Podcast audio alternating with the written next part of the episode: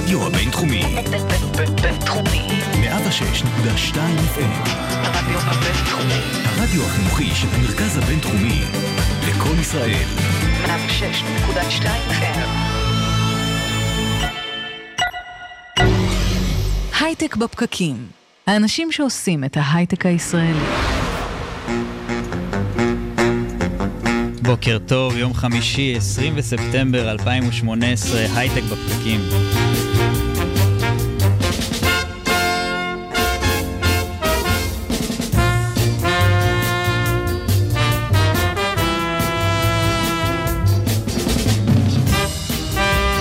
בוקר טוב חברים, מקווים שהיה לכם צום קל. אנחנו כאן איתכם בהייטק בפקקים. אני אדר חי, ואיתי באולפן נמצאים נתן לייבזון ויזהר שי. בוקר טוב חברים, איך עבר לכם יום כיפור? האמת עבר די בקלות. נראה לי בגלל שאני צדיק. אה, זהו, עבר בשלום. צמתם? בהחלט, בהחלט. אנחנו משדרים לכם ברדיו הבינתחומי, בפייסבוק לייב, בכלכליסט ואיצטדיון הסטארט-אפ. חפשו אותנו גם בסאונד קלאוד ובאפליקציות הפודקאסטים האחרות. פשוט תקלידו הייטק בפקקים ואנחנו מבטיחים להופיע. אתם מוזמנים לשלוח לנו שאלות, תגובות והערות בפייסבוק, אנחנו בשידור לייב, רואים ועונים למה שתכתבו. אז על מה נדבר היום? נארח את טל רוזנברג שנמצא איתנו כאן באולפן, מוויסיטה לשיחה על כישלונות. נדבר על איך הטכנולוגיה תשנה את העולם שלנו, איך היא, האם עשתה לנו טוב. רק טוב, ו- רק טוב. ונארח את, אה, בהחלט, אה, נדבר על, אה, עם סטארט-אפ בפקקים, עם יואב, יוגב שלי, מייסד ומנכ"ל טייניטק. יהיה לנו מעניין היום. אנחנו עושים הכל כדי שהוא לא יגיע, אבל הוא המורה הטוב ביותר. קל מאוד להתבייש בו, אבל כדאי לקבל אותו בהבנה. ואתם נחשים על מה אני מדבר? הכישלון, עפיפון. קרוב, טכנולוגיה, כישלון. כישלון. נמצא איתנו כאן טל רוזנברג, שבא אלינו לשוחח על כישלונות. טל, בוקר טוב. בוקר טוב, בוקר בוא, טוב. בוא נתחיל מהסיפור שלך. איך הגעת בכלל ללמוד את הנושא הזה? אוקיי, אז אה, דבר ראשון חשוב לי להגיד שזה אה, לא קשור לעבודה שלי, זה משהו שאני עושה עוד אה, הרבה שנים לפני. כי ויסיטה היא סיפור הצלחה אדיר. עשית ואנחנו סיפור הצלחה. מאוד מאוד כן. גדול. So ו- far. לא, לא, הכל בסדר. אל תהיה שלילי, אל תהיה שלילי. אמ, ככה, אז אני הייתי יזם, היה לי סטארט-אפ, הקמתי סטארט-אפ עם עוד שני שותפים ב-2011, וגייסנו כסף, הרצנו כמעט שש שנים, גייסנו מעל שני מיליון דולר, העסקנו אנשים, שכרנו משרדים גדולים, עבדנו אה, בהצלחה מרובה עד, אה, עד שלא הייתה הצלחה, עד שבעצם נגמר הכסף ולא הצלחנו לגייס עוד, ונאלצנו לסגור את החברה, לפטר את העובדים. וכשהחברה, כשהחברה נסגרה, בעצם כשאני עזבתי את החברה, ישבתי עם איזושהי תחושה כזאת של אה, חוסר כיוון. לא כל כך ידעתי מה אני רוצה לעשות עם עצמי, לא כל כך ידעתי מה אני עושה עם עצמי. ובכנות גם לא כל כך היה לי חשק לעשות משהו, כי התחושה הזאת של, של כישלון היא תחושה מאוד מאוד קשה. רק תן לנו את התזמון, באיזה- על איזה שנים מדובר? מתי זה קרה? אה, חברה רצה בין 2011 לסוף 2016, משהו כזה. וואו, כלומר, זיכרון טרי. כן, חמש כן, שנים, כן. חמש הרבה שנים. עבודה וזיכרון טרי. בהחלט, בהחלט. וישבתי איזה לילה אחד עם חבר ל- לשיחה, וזה התחיל באמת כ- כבדיחה. אה, חבר, חבר אומר לי, תשמע, יש המון אה, ספרות ומידע ובלוגים על, על איך להצליח, על אה, איך לבנות את המוצר שלך נכון, ו scaling up וכל הדברים האלה. ואין, בעצם אין ספרות כישלון. אף אחד לא בא ומדבר עם, עם יזמים על איך לא לעשות את זה נכון, או איפה טעיתם, וכן הלאה. עכשיו, יש המון post mortem ים ברשת, ויש... אה, יש גם את ערבי Fuckup Nights, אבל הרבה פעמים זה מגיע, post mortem ים לא, אבל Fuckup Nights למשל מגיעים מכיוון של הגלוריפיקציה של הכישלון. כלומר, הצלחנו, ו... ו- הצלחנו להיכשל. הצלחנו להיכשל. כן. פחות או יותר, זה, יותר מכיוון של אה, באים אנשים שהצליחו, הרבה פעמים הצליחו בגדול, ומספרים על, ה, אה, על הבמפ שהם עברו בדרך. קל יותר זה- לדבר כשהצלחת כן. על הכישלונות של... או על זה שהם העבר. ניסו לשרוך נעליים בבוקר ולא הצליחו וזה כישלון. הרבה פעמים זה כישלון, כישלונות אמיתיים ומהותיים מאוד, אבל זה מגיע מנקודת ה... איך זה תרם לי להצלחה שלי. כן, ו- איך בניתי חברה של שלושה מיליארד דולר, וכן, דרך אגב, לפני כן, אה, לא הצלחתי לקשור נעליים. יפה, נתן. ו- הזמן. יום כיפור עשה לך את זה. כן, ו- וזה לא ענה לי על, על, על מה שאני רציתי להבין. אז כתבתי פוסט בפייסבוק, אמרתי, שלום, אני טל, אני רוצה לדבר עם יזמים על כישלון. וחיפשתי, ואני מחפש עדיין ומדבר עם יזמים שיש להם פרופיל שהוא אה, דומה לשלי. כלומר, אנשים שגייסו כסף משמעותי, הקימו חברה אמיתית, לא אה, מישהו שכתב אפליקציה והיא לא הצליחה, אלא מישהו שהקים חברה וגייס כסף ורץ כמה שנים, ובסופו של דבר נאלץ אה, לסגור. אז יש לך בעצם תנאי סף, אתה צריך... יש אה, תנאי סף, יש תנאי יזמים סף. שגייסו כסף, שזה גם חלק מתהליך לא פשוט. בהחלט, ואז יש לך. גם לחצים של אה, אנשים ו- לעמוד בציפיות. לקחת ומה מה עשית איתם? דיברת איתם? דבר, דיברתי איתם, אנחנו נפגשים, בתי קפה, יושבים ומדברים, איפשהו בין, בין אה, שעה לשעתיים של, אה, של שיחה. עם כמה יזמים כבר נפגשת? אני לא זוכר, הרבה, הרבה. אה, אנשים נענו, זאת אומרת, אני כתבתי פוסט בפייסבוק וזה קצת הופץ, ומשם גם, אתה יודע, חבר מביא חבר, ו- ויש יש היענות, אנשים רוצים לדבר. ואתה הרבה- לוקח את המידע הזה ואוסף אותו? מה מה אתה עושה איתו? כרגע אני? רושם, בהתחלה בכלל לא הייתי מאורגן, בהתחלה פשוט ישבתי ודיברתי והקשבתי ו- ופרקתי גם את, את הסיפור שלי, כי יש לזה גם ערך, אה, כן, במרכאות נגיד טיפולי, אבל אה, יש לזה ערך. והיום אני קצת יותר, כבר יותר מסודר, היום אני רואה, יש לי סט מסודר של שאלות, ויש לי רשימות שאני רושם לעצמי, אבל כרגע זה לעצמי, האם זה הולך להיות הרצאה, או שזה הולך להיות ספר, או שזה הולך להיות, אני לא יודע מה, אני לא יודע, אתה- יש... זאת אומרת, כרגע אתה אוסף חומר על אה, הנושא של כישלונות, ואולי בסוף נכון. ניקח את זה נכון. ותפיץ את זה ב- בצורה כלשהי. ויש מסקנות? יש כל מיני קווים אה, בוודאי. שמחברים את כל הרעיונות האלה בוודאי, שעשית עם בוודאי. יזמים? זה, זה, זו מתודולוגיה של, תכל'ס זו מתודולוגיה של פיתוח מוצר. אתה מתחיל לדבר עם אנשים, ואתה מדבר איתם לא על, ה, על המוצר, אלא על הדברים מסביב, על התהליך ליד, כי נורא קל לברוח לטכנולוגיה והתאמה לשוק ו- ופיצ'רים וכאלה. אמ, אבל זו מתודולוגיה של פיתוח מוצר, אתה מתחיל לדבר עם אנשים, אתה משום, מש- מקיים את אותו ראיון עשרות פעמים, אתה מתחיל לשמוע חוט מקשר.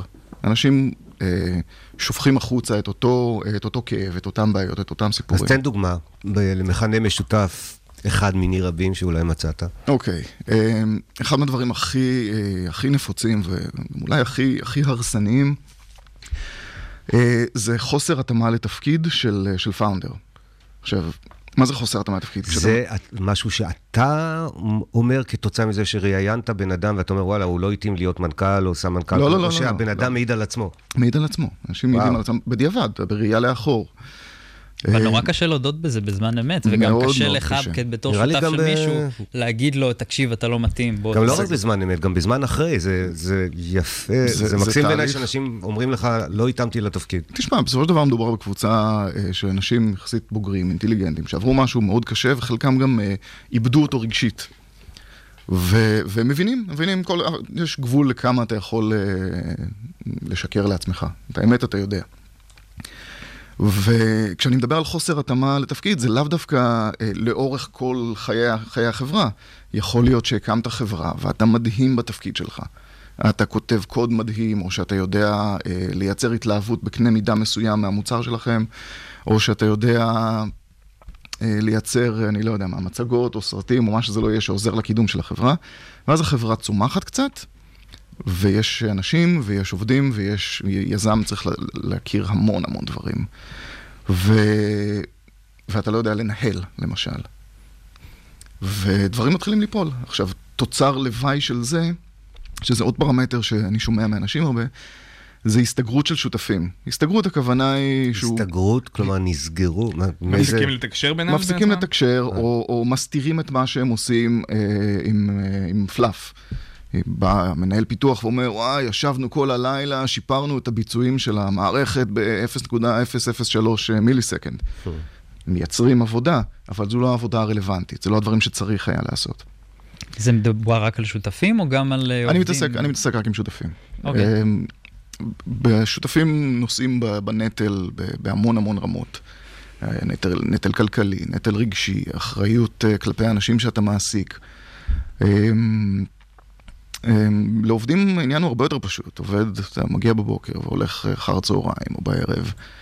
גם אם הוא לוקח איתו את העבודה הביתה רגשית, ה- המטען אה, שהוא סוחב עליו הוא הרבה הרבה יותר קטן. כן. למרות שזו נקודה מעניינת, מה שהעלית פה, הדר, שאתה עכשיו מסתכל באמת מהעיניים של הפאונדרים לגבי תהליך הכישלון, ולסטארט-אפ יש כל כך הרבה יש. נקודות ראייה, יש את הזווית של המשקיעים, ויש את הזווית באמת של הפאונדרים, ויש את הזווית של, של העובדים. כאילו, לבוא ועכשיו להגיד למה סטארט-אפ נכשל, זה קשה כמו להגיד למה נכון, סטארט-אפ הצליח. נכון. אני, אני לא אומר למה סטארט-אפ נכשל, יכול להיות שהכל אה, רץ נהדר ועדיין סטארט-אפ ייכשל. אני מסתכל על אה, פרמטרים שיש להם אה, תרומה... מגדילים את הסיכוי כן, בסוף, אה, ואולי יש לזה קור- לכישלון. אה, קורלציה די טובה ל- לכישלון. נכון. אוקיי, אז מה, איזה עוד דפוסי... אה, כן, אז אמרנו אה, חוסר התאמה לתפקיד לאורך אה, זמן. אגב, כמו שאמרנו, גם כאן זה משהו שמאוד מאוד קשה להגיד ליזם. שותפים לא אומרים ליזם שלהם, אתה לא מתאים, יזם לא אומר על עצמו, אני לא מתאים יותר, אני צריך מנהל מנוסה. אה, הסתגרות זה דבר שני. שותפות לא שווה, זה משהו שקורה גם המון. כלומר, שלושה חבר'ה, ארבעה חבר'ה מקימים שותפות, במקום שלכל אחד יהיה 25 אחוז, לאחד יש 40, ולשלושה האחרים יש 20 אחוז או פחות. אה, זה יוצר אה, אווירה מאוד לא נעימה בתוך חברה, זה יוצר המון המון אנחנו והוא. אה, זה כי- מעניין שעלה, הנושא הזה עלה כעדויות של אה, יזמים שדיברת איתם. אתה יודע, יש מחקר מקיף של אה, פרופסור בהרווארד שנקרא פרופסור נועם ווסרמן, למרות השם העברי הקולח, אין לו שום קשר לישראל, הוא מדבר אנגלית בלבד. גם לא יהודי. אה, לא, אני מניח שווסרמן בכל זאת. אבל מה שמעניין, הוא פרסם ספר שנקרא The Founders Dilemma, הדילמה של הפאונדרים. הוא חקר שם אה, כ-20 אלף פאונדרים, יזמים ויזמיות של חברות, וכ-4,000 מיזמים, והגיע למסקנה חד משמעית שיש קורלציה מובהקת בין אי אה, החזקה שוויונית בחלוקת המניות בתחילת הדרך, לבין הסיכויים של הסטארט-אפ להצליח, וגם גודל ההצלחה. אה, ויש כל מיני סיבות שאפשר אה, לדבר עליהן, אבל מעניין שגם היזמים שאתה ראיינת הצביעו על הנושא הזה כ- כאיזושהי סיבה לכישלון. בוודאי, בוודאי. אני יכול להגיד לך את ראיית המשקיע, אה, עכשיו אני נציג ועד המשקיעים, כשמשקיעים רואים קבוצת יזמים שמגיעה אליהם עם חלוקה מאוד לא שוויונית. לצורך העניין, שלושה יזמים, אחד מחזיק אה, 70% מהמניות, עוד אחד מחזיק אה, 20% והשלישי מחזיק אה, 10%, אנחנו רושמים לפנינו, אין פה צוות של אה, יזמים, יש פה יזם ועוד מישהו ועוד אחד שהוא עובד. בעצם זו תחושה שלך כמשקיע שזה לא באמת צוות אמיתי, שזה סוג של... לא, זה יכול להיות צוות. נפלא, אבל זה לא יזמים. אם אני רוצה להסתכל על צוות של יזמים, אז אחד הפרמטרים הוא, אוקיי, הם עזבו עבודה והשליכו הכל מאחוריהם ויצאו הלאה, והם נורא מוכשרים וחכמים וכולי, אבל גם עניין טכני כמו חלוקת המניות, אנחנו מסתכלים עליו אה, בכובד ראש, והנה, זה מעניין שטל ובצדק. מאשש את ה- את הסברה הזאת. כן. ובצדק. הפאונדרים האלה, אבל שאומרים שזה לא שוויוני, זה אלה שהיו להם את הקצת אחוזים, או אלה שהיו להם את הרוב אחוזים? אה, אני חושב שדיברתי איתם היו... לא, אתה יודע מה, לא, גם וגם. גם וגם. אני רציתי לומר שיש נטייה יותר לכיוון של אלה שיש להם אה, פחות אחוזים, אבל גם וגם. זאת אומרת, דיברתי עם מישהו שהיה בעל השליטה העיקרי בחברה שלו, ו... והוא דיבר על, על, ה... על החיכוכים שזה יצר. על כך, בסופו של דבר, כל הדברים הקטנים האלה, ההסתגרות והש... והמבנה שותפות ועוד כל מיני דברים, מביאים ל... לחיכוכים. החיכוכים האלה הופכים את, ה... את מקום העבודה לא נעים ואת הסטארט-אפ לחורק, ו... ותורמים עוד תרומה ל... ל... עכשיו, אמ, הזה. יש איזה מחקרים אומרים ש-42% מהסטארט-אפים שנכשלים, הסיבה העיקרית שלהם זה שפשוט לא היה שוק. שזה משהו שגם הרבה סטארט-אפים חוטאים בו, לוודא שיש להם באמת שוק לפעול בו. הסטארט-אפים שעבדת איתם, אה, אתה יכול אולי, אמרת שיותר אוקיי. נגעתם במוצר ובחווה מסביב, האם הם... אבל בכל זאת, האם הם יותר כאלה שכן היה להם שוק מתחילת הדרך, או שאתה אומר גם... אני- אני לא נכנסתי לשאלה הזאת ספציפית, כי, כי האספקטים המוצריים והשיווקים פחות עניינו אותי ברמה האישית. אבל אני כן יכול להגיד לך שאם אני לוקח איזושהי מטריית על מעל uh, כל uh, סט הרעיונות האלה, הרבה הרבה מאוד מה, מהכישלונות uh, מגיעים מחוסר ניסיון של יזמים. בשתי רמות. אחד, חוסר ניסיון כ- כיזמים נטו, ושניים, זה חוסר, יזמ... חוסר ניסיון כאנשי עסקים. זאת אומרת, אה, יש פער מאוד גדול בין להיות אה, אה, מפתח מוכשר ואיש טכנולוגי שמבין מוצרים, לבין לנהל עסק. וכשאתה נכנס לבריכה עם משקיעים, אתה נכנס לבריכה עם שחיינים הרבה יותר טובים ממך. אז חוסר ניסיון, אה, חוסר ניסיון עסקי, חוסר ניסיון באופן כללי, אה, תורם תרומה מאוד איך, מאוד איך זה. מתבטא אבל? חוסר ניסיון עסקי, חוסר... אתה, אתה לא מבין את, ה, את הדרישות שנותנים לך. משקיע יכול להציב כל מיני דרישות, ואם הוא לא נחמד מספיק בשביל להסביר לך, ואין לך מישהו להתייעץ איתו, אתה לא תבין. ואלה יכולות להיות כל מיני דרישות דרקוניות שיאפשרו למשקיע אה, לקחת שליטה בחברה, להחליף פאונדרים, לעשות כל מיני דברים. אה, יש דברים שאפשר לעשות בהתאם לדפוסים האלה שזיהית כדי אה, לצמצם את הכמות של הכישלונות, אולי אוקיי. מכל השיעורים האלה שלמדת, שהמאזינים שלנו יכולים... אה, לא להתחיל בכלל. לא להתחיל, דבר ראשון. הכי חשוב. כן, זה לא- יבטיח... ככה אה, לא, כן. כן, מאה לפחות אחוז לא יהיה אי כישלון של כישלון. יש, יש שתי רמות, אני חושב, של, אה, שצריך אה, לש- לשמור עליהן. אה, אחד זה ברמה העסקית וברמת העבודה מול אה, שותפים. אני ממליץ לכל יזם למצוא איזשהו מיזם מתחיל, אה, למצוא איזשהו אה, מנטור עסקי אה, שהוא סומך עליו, שהוא מאמין בו, ש, שיוליך אותו דרך ה, ה, המים האלה, ויותר מזה, גם ילמד אותו לשחות. כי כמה שאתה חושב שאתה מבין איך מגייסים כסף, ומהם האפשרויות העסקיות שלך, ומהם הכלים שעומדים לרשותך, מישהו שמסתכל על 30 שנה של ניסיון אחורה, אה, רואה דברים אחרת לגמרי, וכל מיני דברים שאתה חושב שהם גדולים הם לא, וכן הלאה. אה, דבר שני, וזה, אתה יודע, שוב, זה לא, שום דבר הוא לא ערובה להצלחה, אבל אה, לשמור על פתיחות. אנחנו, בחברה שלי, עשינו את זה, זו לא הייתה יוזמה שלי, זו הייתה יוזמה של אחד מהשותפים, אבל אה, זה גם לא עזר בסופו של דבר, אבל אה, השתדלנו מאוד מאוד להיות אה, פתוחים אחד עם השני, ופעם בכמה חודשים היינו, אה, כמו שעושים לעובדים אה, שאלון הערכה כזה, והערכה עצמית, היינו יושבים אחד עם השני ופשוט מאווררים את את הטענות בצורה הכי פתוחה. אם אתה, אני חושב שאתה טוב בזה ובזה ובזה, ואני חושב שאתה לא טוב כרגע בזה ובזה ובזה, ואתה צריך להשתפר, אתה צריך עזרה, תן לי לעזור לך. כמו שעושים בצבא, קאלה. אה, קבוצה לשיפור אה, אישי, או שיפור עצמי, משהו כזה. פשוט קוטלים אחד לא את השני. אני רוצה רגע, לפני סיום, לדבר גם על אה, התמודדות עם כישלון. בכיף. טיפה, איך, איך בעצם יזמים מעכלים אותו, ואיך אה, איך אפשר להתמודד איתו בצורה הכי טובה, אוקיי. אה, כדי לדעת ללמוד ממנו ולהשתפר.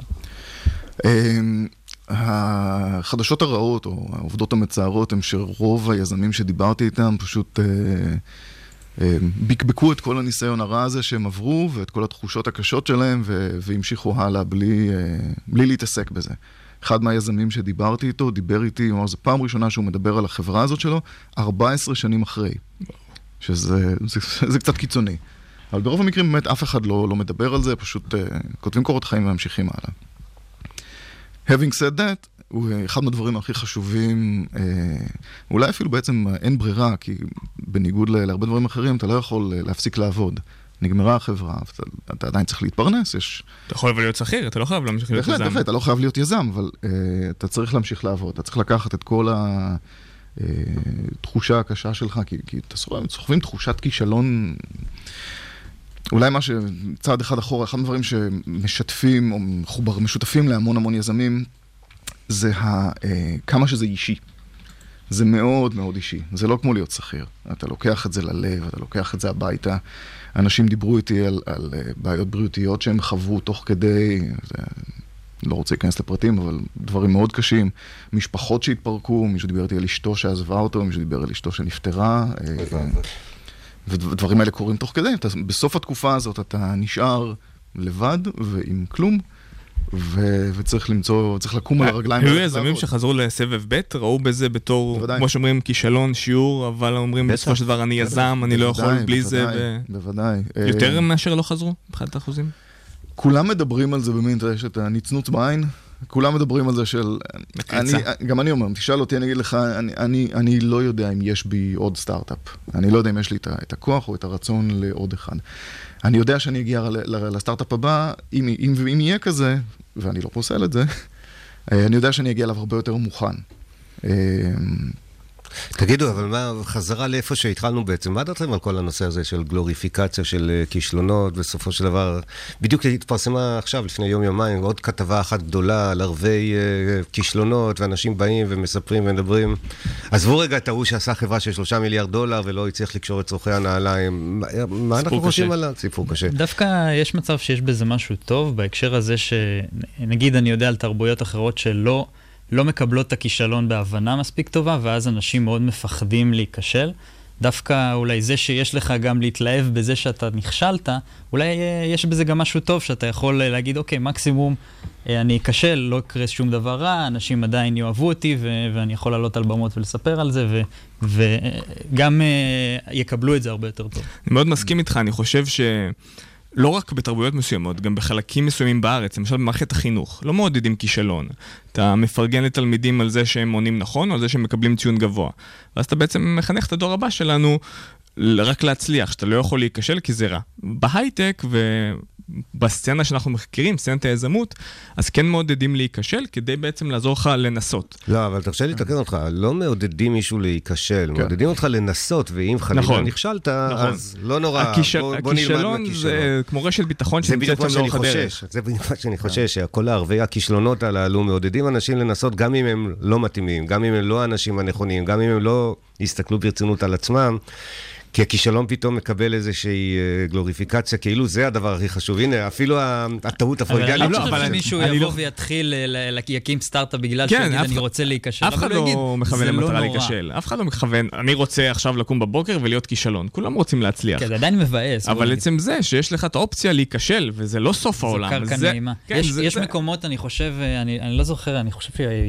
מה, לא התרבות היפנית, התרבות כן. הגרמנית, יש תרבויות... כל מקבלים מאוד. קשה את הנושא של אה, כישלונות, וזה טוב שאצלנו לפחות אה, מקבלים את זה יותר באהבה והבנה. חוץ מזר. אז אה, טל, לדבר על הכישלונות, לדעת להתאים את התפקיד לשותפים, חלוקה שוויונית בין יזמים, למצוא מנטור שיוביל אותך, אלה חלק מהשיעורים שלמדנו פה היום. תודה רבה לך, טל, תודה למדנו לכם, המון. תודה לכם. סוף שבוע נפלא.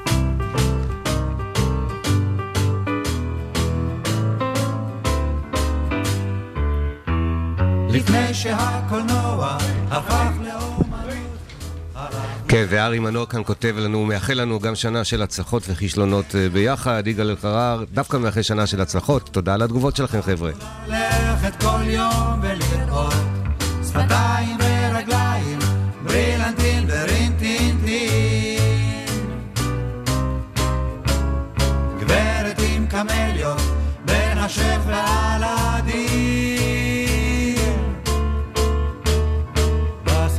של פעם יכולת לאהוב, עם השירים של פעם יכולת לגוב. יכולת לשים את היד וללחוש לה יכולת לשבת בצד ולבחוש לה. אבל היום... דניאל בר מוסר בוקר טוב מרדמונד וושינגטון, נועם אילוביץ' מוסר בוקר טוב מקוסטה ריקה, בוקר טוב לכם.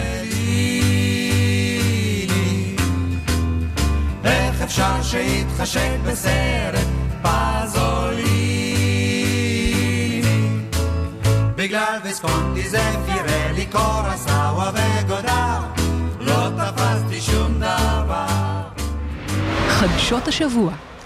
אז מה קרה לנו בהייטק השבוע? נמצאת איתנו קארין רביב, שמדברת איתנו על החדשות. בוקר טוב, קארין. בוקר טוב. אז מה היה לנו השבוע? אז uh, אני אפתח בשאלה. האם מתקרב הסוף למונופול של טסלה uh, בשוק הרכבים החשמליים? או, שאלה גדולה. לענות לך על זה? אתה יכול שננחש. לנחש. טוב, זה שמענו הרבה אה, חדשות על טסלה ש- לאחרונה, אז... אה, כן, שומעים עליה הרבה. העולם אה, כבר די הרבה זמן תוהה אם טסלה קורסת או שלא, אולי יש לה חדשה שמלמדת ככה או נכון. אחרת. אולי הם מחפשים עסקים. כישלון. אה, אנחנו נראה אחרי שנדבר על החדשה הזו, נחליט אולי יהיה לנו קצת יותר אה, כיוון, אבל אה, השבוע אה, הונפקה בוול סטריט הטסלה הסינית, שקוראים לה ניאו. היא המתחרה של טסלה למעשה בשוק הרכבים החשמליים בסין, ושלושה ימים אחרי ההנפקה שלה, השווי שוק שלה הוכפל ל-14 מיליארד דולר. אז אה, סין, אה, סין למעשה מהווה את שוק הרכבים החשמליים הגדול בעולם, אה, 65% מהשוק הזה. ב-2017 נמכרו 770 אלף רכבים, לעומת אה, ארצות הברית, שנמכרו פחות מ-200 אלף אה, רכבים. סין גם אה, בונה על הנושא של המכוניות החשמליות, יש להם, נכון. אל תשכחו גם אה, נושא של זיהום וכולי, שהם אה, באמת חושבים על זה לטווח הארוך. נכון, יש שאומרים שבעתיד הלא רחוק סין תאסור מכירה של רכבים רגילים, ויאלצו רק לקנות רכבים חשמליים. וזה חתיכת שוק ענק. אבל אה, סין זה פשוט copy paste לכל מיני הרבה מוצרים אחרים טובים שיש בעולם, כמו שיש גוגל, יש את ביידו, כמו שיש פייסבוק, אה, וואטסאפ, פייפל, אז יש את וויצ'ט. אתה יכול אז, להגיד את זה על הרבה דברים בעולם, לא רק על עניינים של סין. כן, אבל אה. בעיקר סין, זה בסדר, תהיה עוד חברה שהיא בעיקר בשוק האסייתי ו- והסיני. יש מספיק מקום בעולם גם לטסלה וגם לכל מתחרה סינית שתהיה. אלא אם כן הסינים אה, ייכנסו לארה"ב במחיר הרבה יותר נמוך, באיכות לא בהכרח יותר נמוכה, ואל תשכחו שטסלה סוחבת על עצמה, על הגב שלה, אה, משקל כבד של הפסדים אה, מצטברים, של בעיות אה, שעולות בחודשים האחרונים באשר לשפיותו ויציבותו הנפשית של המנכ"ל שלה. עכשיו רק, רק אתמול יצא פרסום על זה שיש תביעה חדשה שעומדת על הפרק, על טסלה ממש אתמול בלילה. לגבי הציוץ של אילון מאסק על הנושא של שהוא הולך להפוך את טסלה חזרה לחברה פרטית וכולי. כן, שם הוא גם, כן, הוא גם זכה לתביעות מכל מיני שורטיסטים, אנשים שעושים שורט על המניה נפגעו מהסיכוי לעשות רווחים בגלל הציוד שלו שבעצם יצא כנגדם. וחוץ מזה, אם אני לא טועה, הידיעה הזאת זה כבר חקירה פדרלית של ה-SEC, נכון? נכון. כלומר, הוא בצרות. אני, כן, אני דווקא... לא רק זה, הרבה בעיות. אני דווקא בניגוד אליכם לא חושש מכל מה שקורה לטסלה, ואני אגיד גם למה. כי החברה שהכי מצליחה בעולם, בלי שום ספק, היא אפל. ואפל מצליחה ליצור רגש חזק אצל הצרכנים שלה, על גבול זה שכולם קוראים להם כת מאמינים. החברה היחידה שמתקרבת לזה, שעושה את זה כרגע, זה טסלה, שמצליחה לעורר את אותו רגש עם רכבי יוקרה, עם המותג הזה, ולגרום לאותם צרכנים מאמינים לקנות גם גלשן, שאין שום קשר בין טסלה לבין גלשנים. מה שנקרא raving fans. אבל מצליחה למכור להם ב- ביוקר תוך עשר דקות. אז יש לה עכשיו תקופה מאתגרת וקשה, ויש לה מתחרים, אבל הכיוון של... מתחרים שמוכרים בחצי מחיר. אין שום בעיה, שיקנו, שימכרו בזול. הטקטיקה של למכור ביוקר זה לא טקטיקה שהיא כושלת, ואפל מוכיחה את זה כל פעם מחדש. עם שוק, שוק הסמארטפונים 14% בלבד, ועדיין מבחינת הרווחים היא מעל 80% בשוק הסמארטפונים. גם uh, טסלה למעשה uh, הגיעה להסכם עם הרשויות בשנגחאי, שהיא מקימה שם המפעל. ועד עכשיו היא רק מייצרת uh, בארצות הברית, אז היה לה בעיה עם המכסים וכל המלחמת סחר סין-ארצות הברית. אז אולי זה באמת אופציה בשבילה להיכנס לסין. עבור טסלה, ואז הסינים האלה עכשיו מונעים ממנה. כלומר, את אולי רומזת על מלחמה שם בחזית ההיא? יש פה איזה משהו שאפשר להגיד שזה איזושהי מלחמה. הממשלה הסינית מסבסדת את הרכבים החשמליים של ניאו, של המתחרה הסינית. היא נתמכת על ידי ענקית האינטרנט טנסנט וביידו, ולמעשה הם גם היזמים של החברה הזו. כן. מה עוד יש לנו השבוע? אה, ועוד משהו אחד לעניין הזה של, של ניאו, של החברה הסינית, גיליתי שיש לה שיתופי פעולה עם חברות ישראליות. וגם יש לה קרן השקעות שמעסיקה עובדים ישראלים, אז נראה, נראה לאן זה הולך.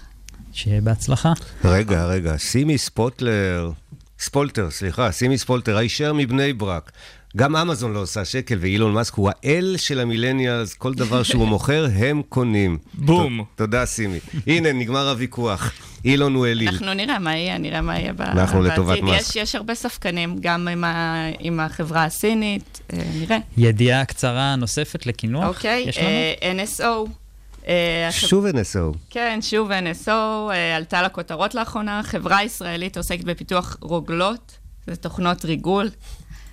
לפי דוח נרחב, הם, הם, התוכנה שלהם נמצאת, ב, שימשה לריגול ב-45 מדינות, והן גם דמוקרטיות מערביות כמו ארצות הברית, בריטניה והולנד, וגם במדינות שידועות ברדיפת גורמי אופוזיציה, כמו סעודיה, טוגו, בחריין.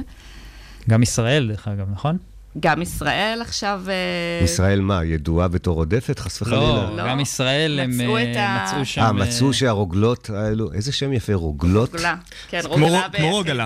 רוגלה. רוגלה זה ספייוור? זה השם הישראלי לזה? כן, רוגלה. וואו, רוגלה. אז רגע, בישראל גם כן הושתלו רוגלות של... זה מה שאומרים, אבל החברה טוענת שהם מוכרים בחו"ל רק לפי...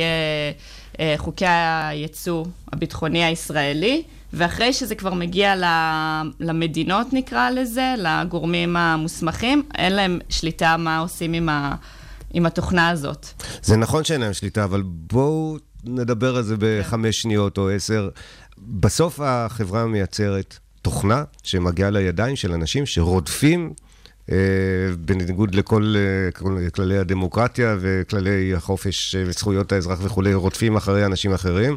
כן. והשאלה היא, למישהו זה כואב שם. דרך אגב, זה שזה עומד בכללי הייצוא הביטחוני הישראלי, זה לא סותר את העובדה שאנשים משתמשים בתוכנה הזאת בדרכים כאלו ואחרות. אז בואו, בואו נפריד בין העניינים, מה הקשר? זה, זה נכון. משרד הביטחון לא יתבע את NSO, כי לא אכפת לו, סליחה שאני אומר את זה, לא אכפת לו שאיזה משטר מדכא, דיקטטורי, רודף אחרי אנשים באמצעות NSO. השאלה אם ל-NSO זה אכפת, וזו שאלה פתוחה. תשמע, הם אה, גם מצילים חיים של הרבה אנשים, אז זה, בדיוק. זה מה שעומד מול, ה, מול נכון. העניין הזה. הנה, בואו נגיד משהו חשוב. לטובתם. הרוגלה הזאת גם עזרה להציל אה, אלפי, אולי עשרות אלפי אנשים ברחבי העולם, בגלל שהיא הולכת גם נגד הרעים, לא רק נגד הטובים. נכון. דיון חשוב, כבר דיברנו על זה בעבר, ואנחנו נשאיר אותו כרגע פתוח. קארין, תודה רבה על תודה החדשות. רבה.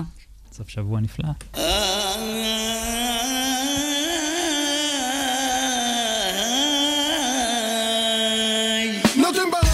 ואתם אוהבים צועק לקפוץ ואתם קופצים באיזה פלואו שלא נביא עם מיקרופון אלחוטי או במועדון הכי דרום צפון צחי, זק וייספלד, אומר לנו בוקר טוב מהמטוס בסן פרנסיסקו, מה אתם אומרים על זה? מהמטוס. פעם ראשונה, הייטק בפקקים, בשידור. חי במטוס. ככה נותנים לו להפעיל אה, וי-פיי? הייטק בשחקים. הייטק בשחקים.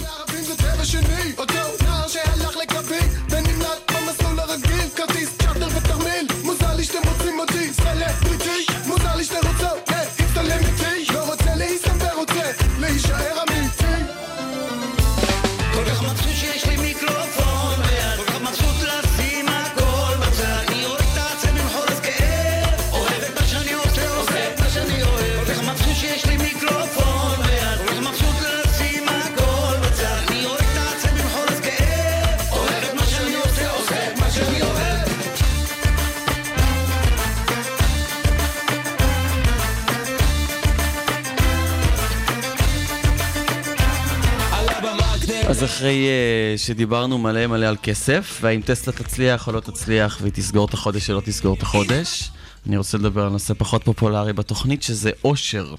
אז uh, הנה אושר קטע אודיו באלף? קצר. באלף? אושר באלף. אושר באלף, כן. אושר. די עם העין. אורי, כן. תעשה אותנו מאושרים. אז זה קטע קצר שמדבר על זה. There was a recent survey of millennials asking them what their most important life goals were, and over 80% said that a major life goal for them was to get rich. And another 50% of those same young adults said that another major life goal was to become famous. We're constantly told to lean into work, to push harder, and achieve more. We're given the impression that these are the things that we need to go after in order to have a good life. אז כולם uh, אומרים לנו כל הזמן uh, שאנחנו צריכים uh, להרוויח יותר ויותר כסף ולהשקיע את עצמנו בעבודה, ובארץ אנחנו גם רואים את זה במיוחד שאנחנו עובדים יותר, וגם ישראלים מעידים על עצמם שהם נורא נהנים מהעבודה, ואנחנו יוצאים uh, בכל מיני מדדי עושר עולמיים, אנחנו יוצאים הרבה פעמים ממקומות גבוהים, שאנחנו מאושרים פה, בין היתר זה כי אנחנו אוהבים לעבוד. אבל uh, יש שאלה גם של uh, מה עושה אותנו מאושרים. Uh, והקטע ששמענו עכשיו זה מתוך הרצאה של TED, על אחד המחקרים הכי ארוכים ומשמעותיים שנעשו בהיסטוריה על ידי אוניברסיטת הרווארד.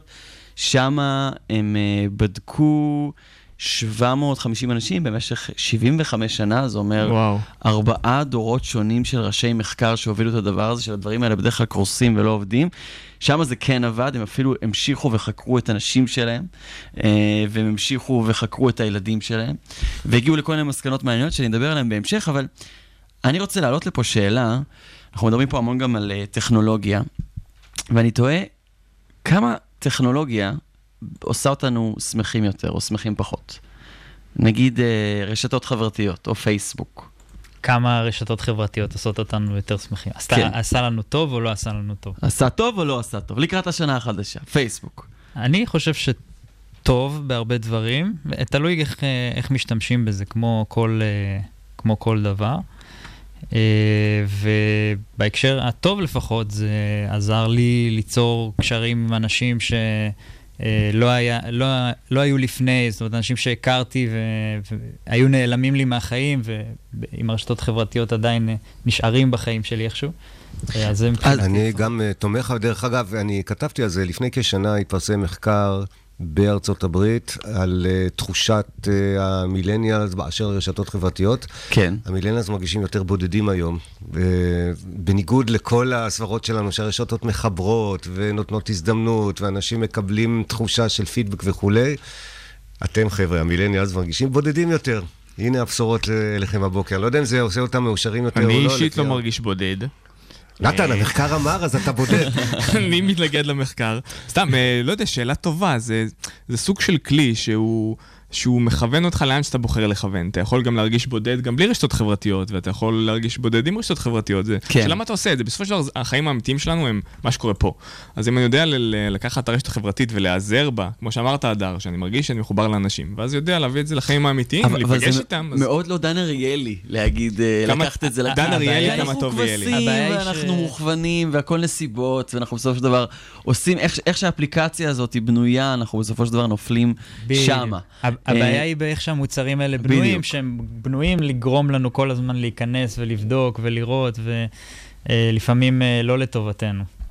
אה, שני מחקרים רלוונטיים לגבי אה, זה שאנחנו בקשר עם יותר אנשים בזכות פייסבוק, האם זה טוב לנו והאם רע לנו. אז יש מחקר של בחור בשם אה, גרנובטר, עוד משנות ה-70, יש את כל המדע של רישות חברתי, ואני לא מדבר על, על, על אה, רשתות חברתיות, אלא רישות חברתי אנושי, איך אנחנו כ- כאיזה super structure חברתי אה, מסתדרים ומתניידים במרחב.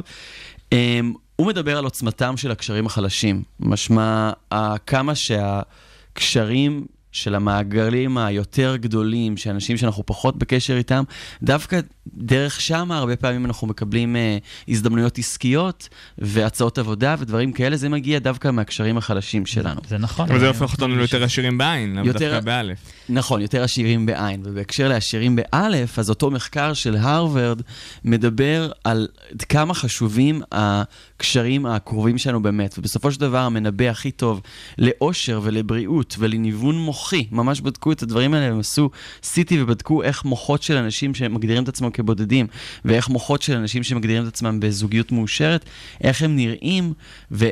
אלו הם הדברים הכי הכי חשובים לאושר. אז האם פייסבוק אה, מעצים את הקשרים היותר קרובים? חלשים שלנו? כנראה שלא. אה, אה, וכנראה שזה בא באיזשהו מקום גם לקשרים היותר קרובים. קרובים, ואז זה פוגע באושר. ואז באסה. מצד שני, אינסטגרם זה לאחרונה- כיף. לאחרונה אוקיי. גיליתי שיש לי רק 25 קשרים משמעותיים בפייסבוק. וואו. איך- לא, איך קוראים לך? ש-25 תגיד לי את זה. אנשים נחשפים לפוסטים שלך. סתם, סתם, אני צוחק. זה זה אגדה אורבנית מטופשת שמשום מה כולם... אבל- רגע, אה, טכנולוגיה הבאה, כן. שנייה חברים, אני חייב לעצור אתכם. טינדר? אפשר לדבר על טינדר? סקסי. אפשר לדבר על קינדר. בואו נדבר על קניות אונליין. אוקיי. רק רוצה לומר שגם טינדר זה מבאס, אפילו יותר, וואלה. ולכן מחקתי. בתור... אה, למה אף אחד לא בחרה בך? אה, לא, זה- כולם זה משהו בחרו בו. שם מרוקן בפנים. כולם בחרו בו והוא לא ידע במי לבחור, אז זה מתסכל. תסכל, זה היה הקושי. כן. מי שהסתכל לי באינסטגרם ראה שמחקתי את הטינדר. אה, איזה עוד קניות, טכנולוגיה רצית קניות לדבר עליה? אונליין, קניות קניות אונליין. גדול. כן, זה שאנחנו לא יוצאים מהבית אה, ואנחנו יכולים לקנות מהמחשב עושה אותנו מאושרים יותר? לגמרי. מאושרים ברמות מטורפות. למה? למה? כי אנחנו לוחצים על כפתור והסחורה מגיעה אליך הביתה ואתה לא צריך לעמוד בתור, בתור לחנייה, בגשם, בריצה בכניסה לקניון, או בחום הלוהט הישראלי כשאין חנייה וצופרים עליך מחמישה מקומות. וזה מגיע אליך הביתה, זה פשוט נפלא. אני... זה חוויה מדהימה, זה כמו קסם. היית משאיר את זה 30 אה, שנה זו- אחורה, אנשים אומרים, קח אותי לשם. קח אותי לשם, רוצה לחיות שם, זה באמת כיף. אבל זה עדיין, אז קודם כל זה עובד על כמה מנגנונים, ועדיין עם כל זה שאנחנו יכולים לקנות באינטרנט, עדיין רוב הקניות נעשות פיזית. אנשים באים לחנות וקונים. חכה, אה, כן, חכה כן, כמה. שנים. נרצה או לא. אתה לא סבלן. אנשים רוצים עדיין את החוויה. יש משהו שעם כל האינטרנט וכל הפשטות וכל הזה, עדיין, אני כשאני קונה משהו, ואפילו אם זה יוציא אותי פראייר, ואפילו אם אני אעמוד עכשיו בחום, זה זה חלק חוויה, זה בילוי. עם מישהו ש, שאני אוהב, או חבר, שגורם לי להיות מאושר. אז זכית כבר, שמתי, פגעתי בשתי ציפורים במכה. עכשיו אני נזכר שנתן ואני היינו בחנות בגדים ביחד, זה עשה אותך מאושר? זה עשה אותי מאוד מאושר. גם מה, אותי, הייתי מעדיף. שתשלח. לי לינק. ותגיד, קח את זה? קח את זה, כן. האמת הייתה חוויה, אה, כן, חוויה משותפת. זה יכול להיות עניין אבל באמת שזה. לאט לאט הטכנולוגיה משאירה אותנו יותר ויותר בבית ופחות אה, מוציאה אותנו לעולם נכון. החיצון וזה באסה. אולי משהו שיכול לפגוע לנו באושר בסופו של דבר. מאידך גיסא, ממשיך עם התפקיד שלי כגורו אושר, באלף, אה, כמה שאתה עושה פחות ממטלות הבית, על פי- על פי מגזין דה מרקר. אתה יותר מאושר? פחות אתה יותר מאושר. כמה שאתה עושה פחות מטלות בית. אז מחכים לרובוט. שישטוף לא כלים. הפוך על הפוך. לשטוף כלים, כביסה, זה מבאס. אין פה איך אה, אוקיי, להפוך אז את זה. להישאר בבית, אז יש לנו עוד טכנולוגיה נוספת, משחקי מחשב. משחקי מחשב, אי. ספורט, וכל הדברים האלה שמשאירים רע, אותנו. רע מאוד, רע, רע בדידות, מאוד. דיכאון, רע. פורטנייט. דיכאון וניוון, ניוון ניוון. שרירים. וואו, פורטנייט זה דבר ש... ניוון המוח, זה ניוון ילדים. חבר'ה, 50 שנה מהיום אין יותר ספורט, לא הולכים לאצטדיונים כדי לרוץ. יושבים ורואים את השחקנים מזיזים את האצבעות שלהם, כמו שכבר קורה היום. שרואים את הרובוטים. רגע. אבל אני בתור ילד, מה זה נהניתי ממשחקי מחשב? זה היה אחד הדברים הטובים. אולי זה גם... אה, אתה ראית את רונלדו אתמול ואת מסי, סליחה, שמעת, לא ראית כי היה יום כיפורים חלילה, אבל אה, מסי בשלושה ארמדים ורונלדו בהרחקה ויובל. רונלדו בהרחקה. תאר לך לא שכל יודעת. זה לא יקרה יותר, כי אי ספורט, אנשים נשארים לא, על מחשבים. מהבחינה הזאת אה, יהיו דברים מאוד מאוד מרגשים. אה, הטכנולוגיה האחרונה שאני רוצה לדבר עליה, ואני חושב שהיא מאוד מאוד משמחת, זה תחבורה. האפשרות נגיד שלחברי הייטק בפקקים יש את האפשרות לנסוע ביום שני לפולין, ככה סתם, ולא במחיר יוצא דופן, יקר בטירוף מה שההורים שלנו היה יקר מאוד. זה מאוד משמח. יותר משמח כי משמח. זה יהיה אוטונומיה, אתה תעלה על מסוק אוטונומי קטן. שיקח אותך מהבית ויעלה אותך על מטוס, כן, זה יהיה אחרת. כן. אורי, תודה רבה. רגע, אני כבר. מאושר יותר, אני רוצה לציין. עשית אותי מאושר, אין ספק. גורו לא יושר.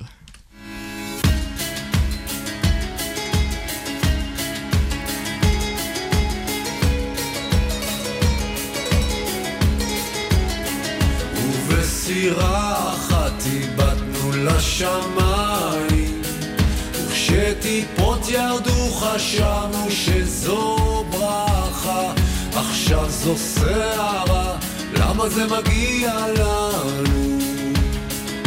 ואיך זה שלא ראינו את זה בא? ובשדה רחב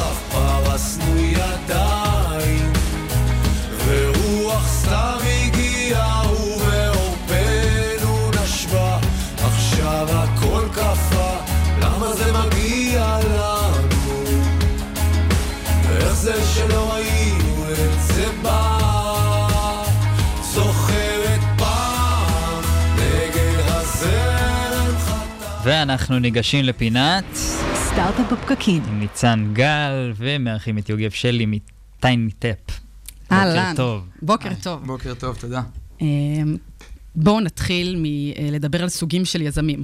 אה, אני חושבת שמאז שנכנסתי להייטק, אה, אני יכולה בגדול לסכם את רוב היזמים שפגשתי תחת אה, אה, שני אה, גורמים. אחד, כאלה שמונעים באמת ממקום של revenue, מקום שמזהים מיזם מסוים, מזהים פוטנציאל, שוק טוב, הזדמנות וקופצים על זה. Um, והסוג השני זה אנשים שבאמת מונעים ממישן. זאת אומרת, אנשים שבאמת יש להם איזושהי מטרה מסוימת, משהו שהם רוצים לשנות בעולם, הולכים לשם, גם אם לא ברור לגמרי מאיפה הכסף מגיע, הולכים על זה ו... ובאמת uh, גורמים לדברים האלה לקרות. Uh, השוק כשלעצמו, לדעתי, בדרך כלל מתעדף את, ה, uh, את הראשון. Uh, אבל לכן אני שמחה שיש לנו פה את יוגב, שבאמת יספר לנו דווקא את הסיפור שלו על, על מישהו שיצא לדרך לפני שש שנים. עם מטרה אה, חברתית, או אה, באמת משהו לשנות את השוק, ו... ועושה עבודה יפה עד עכשיו, ואני אשמח שתספר לנו את הסיפור קצת. תודה על ההקדמה. אה, כן, באמת עברו אה, שש שנים, את החברה הקמנו ב... בערך לפני שש שנים, ב-2012.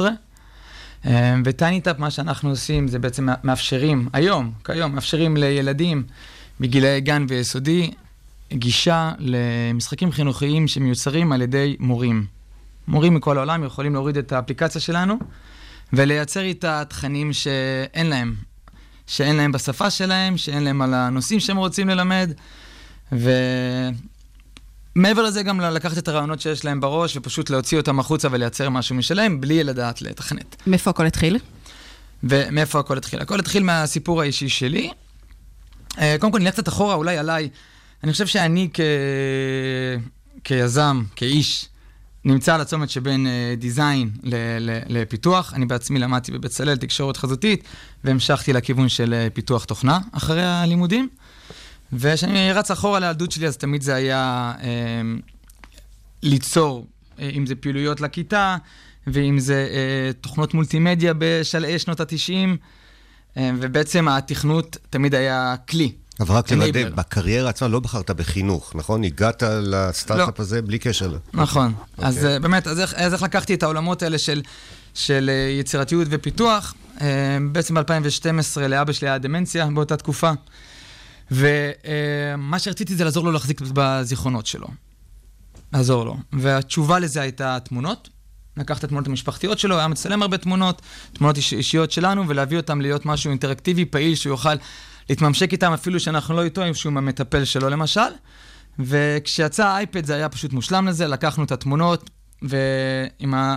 ופיתחתי כלי מאוד פשוט, שמאפשר לקחת כל תמונה ולהפוך אותה לאינטראקטיבית בכמה רגעים, על ידי סימון של אזור עניין בתמונה, ליווי בכל אישי ששואל שאלה על האזור הזה, והופ, יש לכם אה, פעילות אה, אינטראקטיבית.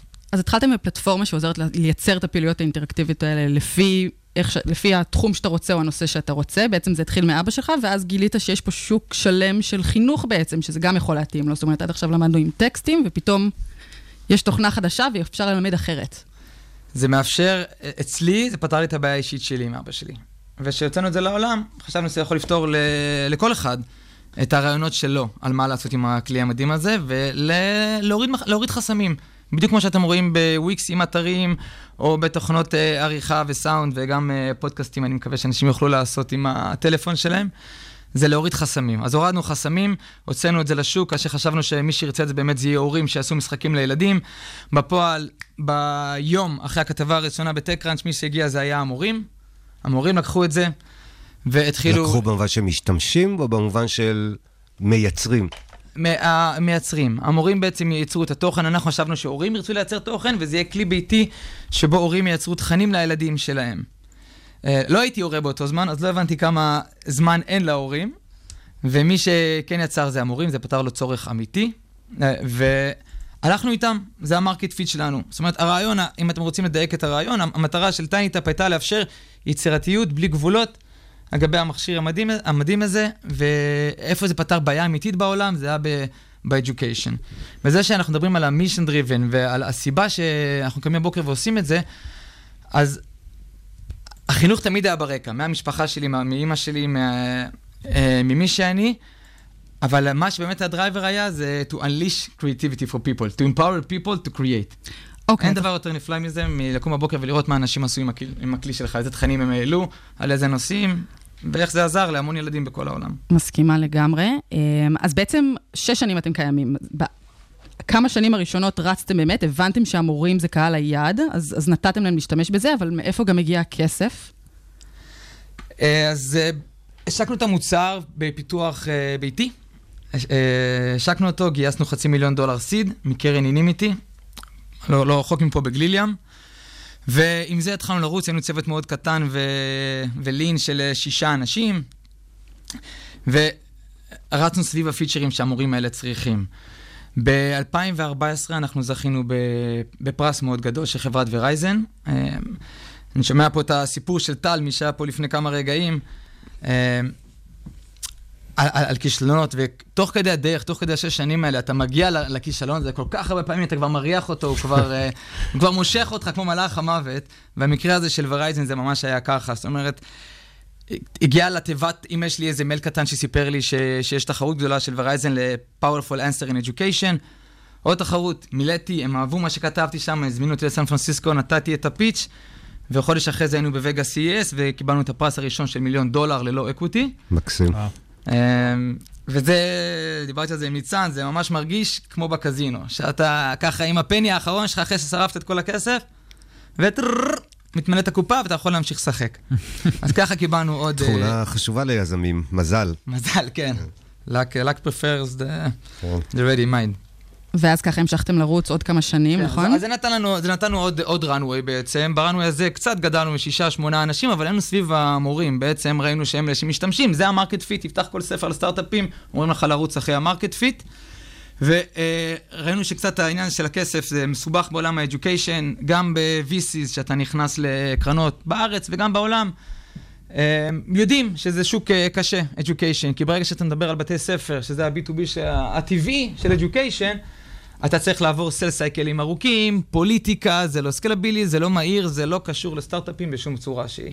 בסדר? לנו לקח אה, זמן קצת להבין את התובנה הזאתי, ב-2015 ניסינו כבר להתחיל אה, למכור למורים עצמם, ולא לבתי הספר. זאת אומרת, אמרתם, יותר מדי קשה פה אה, לדבר עם התעשייה מלמעלה, אנחנו נתחיל, אנחנו נלך ישר למורים ופשוט ניתן להם את המוצר הם, הם להשתמש בו. צריכים את זה בוודאות, למה, למה אני צריך לשכנע איזה קודקוד איפשהו שישנה את מה שעובד לו שבע שנים?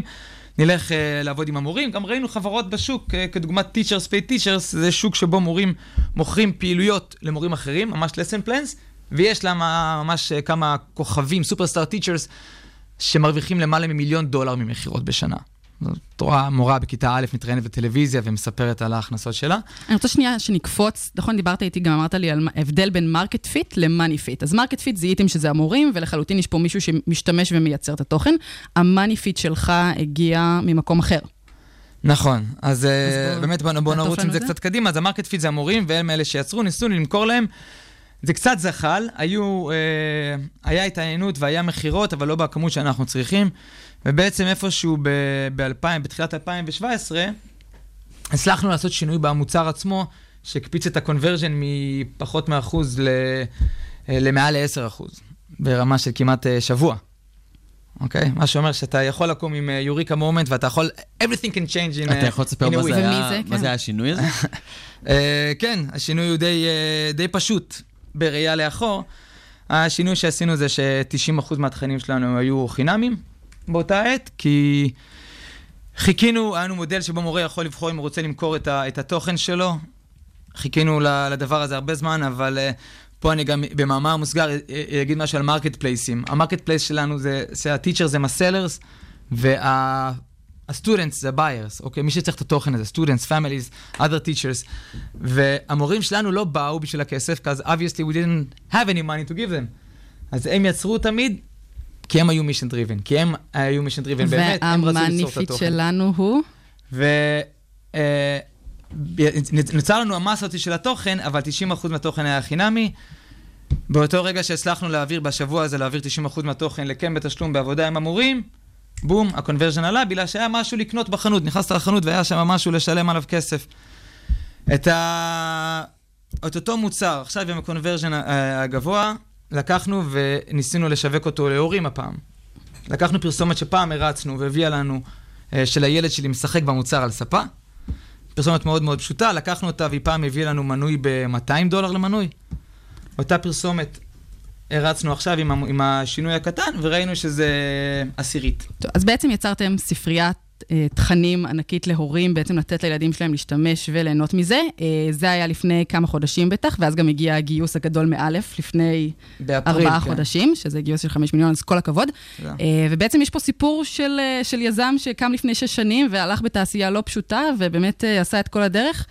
והגיע לכסף בסוף, ולהצלחה באמת, שבאמת בסוף, אני חושבת שאפשר להגיד לפי הכמות משתמשים, המון value לשוק הזה, ויש לכם עוד הרבה לאן להגיע, אז באמת כל הכבוד ושיהיה בהצלחה. תודה רבה. בהצלחה.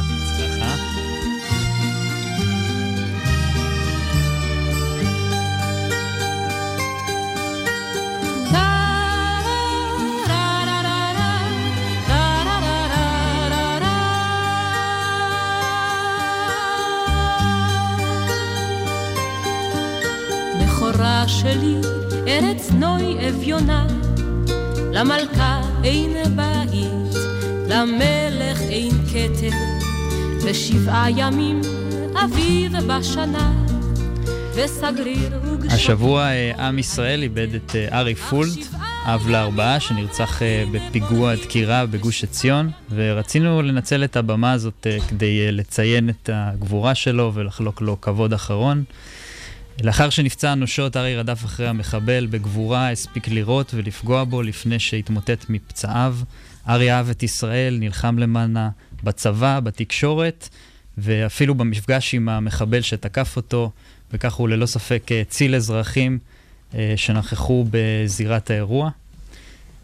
כן, ארי, חשוב לציין, אה, הוא גם אח של uh, הלל פלד, חבר uh, ותיק uh, של הייטק בפקקים.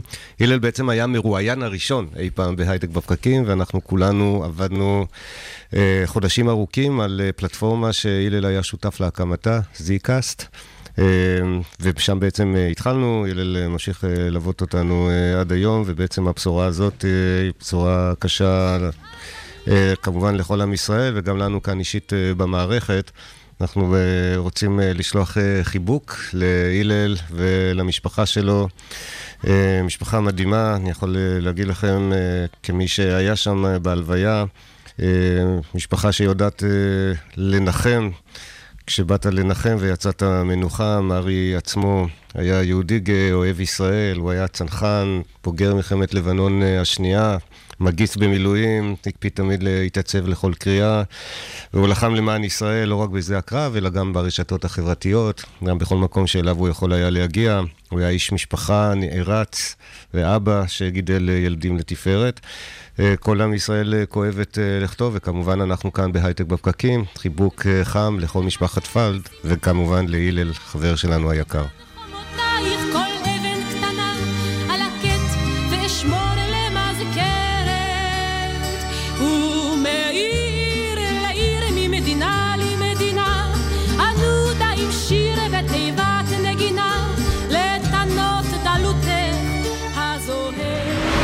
השבוע. אנחנו עוברים לפרשת השבוע. פרשת השבוע נקראת האזינו. בפרשה זו אומר משה לעם ישראל דברים אחרונים לפני מותו, וכך הוא נפתח.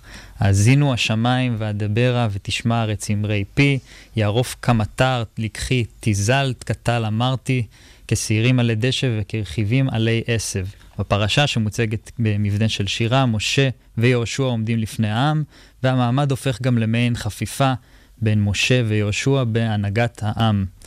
ועכשיו אה, לדיון של זמננו, זמננו יחסית קצר, אבל אה, רציתי לשאול אתכם, אה, מנהלים ומנהיגים מתחלפים כל הזמן, בייחוד בהייטק, וההחלפה הזו היא אף פעם לא פשוטה.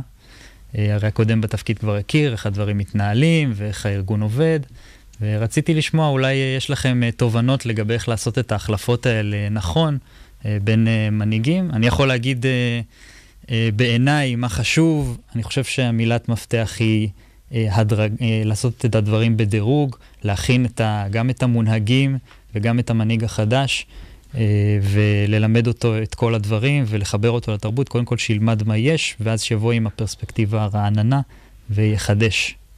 כן, אז אנחנו מלווים כבר מספר שבועות בפרשת השבוע את אה, תהליך ההחלפה הזה בין משה לבין אה, אה, יהושע שהגיע אחריו. ממש כמו ג'ק מה מעליבאבא. כן, ואני חושב שגם שם זו דוגמה יפה. ג'ק מה הודיע על פרישתו בעוד שנה. לא בהפתעה, הוא הודיע על פרישה, אבל זה יקרה אחרי תהליך ארוך ומסודר. וכמובן גם אה, משה עשה את זה שם, קיבל אמנם את הבשורה מלמעלה, אבל ברגע שהוא הבין שהוא צריך להיות מוחלף, הוא נכנס לתהליך חפיפה מסודר. או במילים אחרות, אם יזמים רוצים לדעת איך לעשות את זה, שילכו לפרשת אה, האזינו והפרשות שלפניה, שאנחנו עוקבים אחריהן, ויבינו איך עושים חפיפה כמו שצריך. אני חושב שזו תמיד אה, תקופת משבר ותקופה מאוד מורכבת שהמנהיג הראשון, אפשר להגיד, אה, עוזב וממונה לו מחליף. אה, אנחנו רואים את זה הרבה בחברות הייטק, אה, ראינו את זה באפל של סטיב ג'ובס, אנחנו ראינו את זה גם במייקרוסופט, שכשביל גייטס עזב וסטיב באלמר במקומו נכנס ועכשיו אה, סאטיה. אנחנו רואים את זה גם בחברות שהן לא הייטק, באמריקן איירליינס ועוד הרבה חברות. הרבה פעמים כשהמנהיג הולך, אז החברה לפעמים שוכחת את החזון. או שהחזון משתנה שלה. באופן דרסטי, תראה את סטיה נדלה במה... לא, החזון, החזון הוא, הוא יכול להש, לי, להתפתח על בסיס החזון הקיים, אבל לפעמים שולחים, אה, שוכחים את החזון, וזו אחת, אחת הסכנות, שהחברה פשוט תעבור לאיזשהו מוד אוטומט של פשוט ביצוע ורדיפה אחרי הכסף. אז אה, אם מצליחים לעשות את המעבר הזה נכון, של לשמור על הגחלת של החזון ולהבין למה אנחנו קמים כל יום בבוקר, העובד, עד אחרון העובדים, אז התהליך הזה יכול לעבור טוב, אה, וצריך לשים לב פשוט לזה. מעולה, נתן. טוב, אנחנו מתקרבים לסיום. תודה לנתן לייבזון ויזהר שי שהייתם איתי באולפן. תודה לקרין רביב על חדשות השבוע. מפיקים את השידור אורטל הבר, ניצן גל וקרין רביב. מפיק הדיגיטל שקד דמבו. מפיק מוזיקלי אורי טולדנו. תודה לכלכליסט ולרדיו הבינתחומי על שיתוף הפעולה. תודה לכם שהאזנתם לנו בפקקים, במשרד או בבית. סעו בזהירות אם עוד לא הגעתם. אנחנו הייטק בפקקים. חול המועד נפלא. בשבוע הבא אנחנו לא משדרים, אז אנחנו נתראה בעוד שבועיים. עד אז, חג שמח.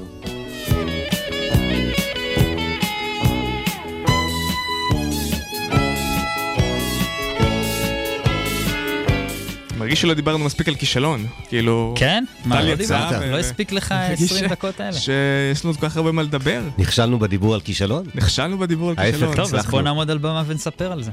כן, אני חושב אבל שזה יהיה overrated. כמו שאמרתם שיש את הגלוריפיקציה הזאת, אז תמיד כשאנחנו לוקחים את זה לאיזשהו קיצון של להיכשל יותר מדי, ובוא נהיה מגניבים ובוא נספר על דברים שהם לא באמת כישלון, זה מתחיל להיות מאוס. אז במקום כישלון, למה לא תגידו תודה לדוד מוזס, מרגלית, יערת תלם, עדי יופה, דורית חליפה, יהושע שוקי פינקלשטיין, שוהם כהן, אודי שרעבי, אה, ענת גיל. אורן מושלי. כן, מלי נדב ניב. קמפר, יגאל אלחרר, מייק זילברג, מלי ניב. ספיר ממן, שירי שפר, דורון מלך, וואו, הרבה אנשים היו איתנו כאן הבוקר. וכמובן הזמן שנגמר לנו. חייבים להתראה. יאללה, חג שמח, שנה אה, לא טובה. לא בשבוע הבא, בעוד שבועיים. נכון, עוד שבועיים. Nice.